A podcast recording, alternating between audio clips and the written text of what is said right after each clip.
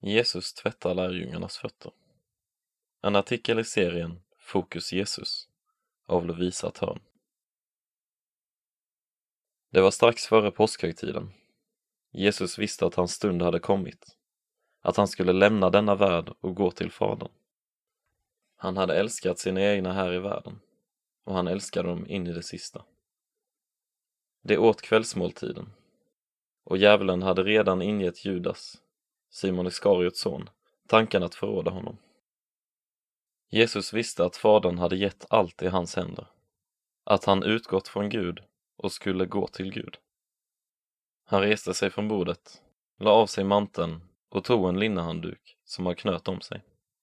Sedan hällde han vatten i ett tvättfat och började tvätta lärjungarnas fötter och torka dem med handduken som han hade runt midjan. När han kom till Simon Petrus sa denne till honom Herre, ska du tvätta mina fötter? Jesus svarade Vad jag gör förstår du inte nu, men längre fram kommer du att förstå det. Petrus sa Aldrig någonsin ska du tvätta mina fötter. Jesus svarade Om inte jag får tvätta dig har du ingen del i mig. Simon Petrus sade Herre, inte bara mina fötter utan också händerna och huvudet. Jesus svarade Den som har badat behöver sedan bara tvätta fötterna. Han är helt och hållet ren. Och ni är rena, fast inte alla. Han visste vem som skulle förråda honom. Därför sa han att inte alla var rena. När han sedan hade tvättat deras fötter och tagit på sig manteln och lagt sig till bords igen, sa han till dem, förstår ni vad jag har gjort med er? Ni kallar mig mästare och herre, och det med rätta, för det är jag. Om nu jag, er herre och mästare, har tvättat era fötter, så är också ni skyldiga att tvätta varandras fötter. Jag har gett er ett exempel, för att ni ska göra som jag har gjort med er. Jag säger er sanningen. Tjänaren är inte större än sin herre och budbäraren är inte större än den som har sänt honom. När ni vet detta, saliga är ni om ni också gör det. Johannes evangeliet kapitel 13, vers 1 till 17. Vi befinner oss i händelserna inför Jesus sista måltid, innan han ska dö. Men innan måltiden börjar Jesus tvätta lärjungarnas fötter. Detta känns ju lite konstigt. Det tyckte lärjungarna också. Men inte på grund av själva grejen med att tvätta fötter, utan för att det var just Jesus som gjorde det. En sådan uppgift var mer passande för en tjänare.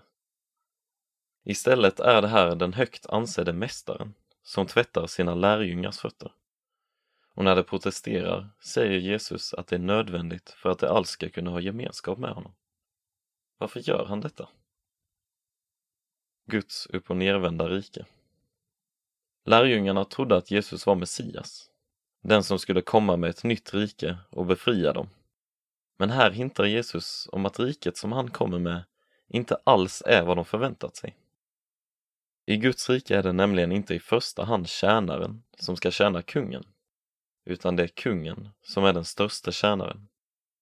I Guds rike är det kungen som tar sig an de smutsigaste uppgifterna, som att tvätta människors fötter, eller dö på ett kors för deras synder. Allt för att de ska kunna leva i gemenskap med honom.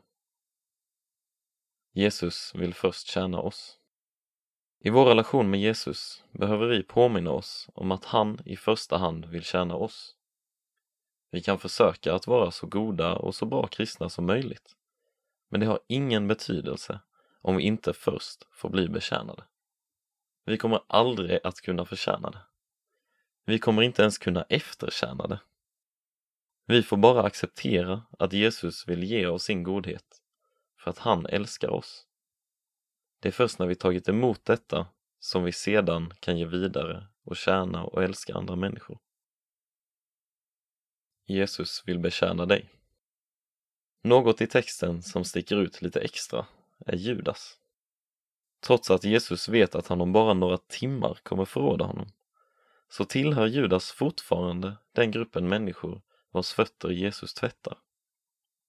För oss blir det ett ytterligare tecken på att det verkligen inte finns någonting vi kan göra som skulle få Jesus att sluta vilja betjäna oss.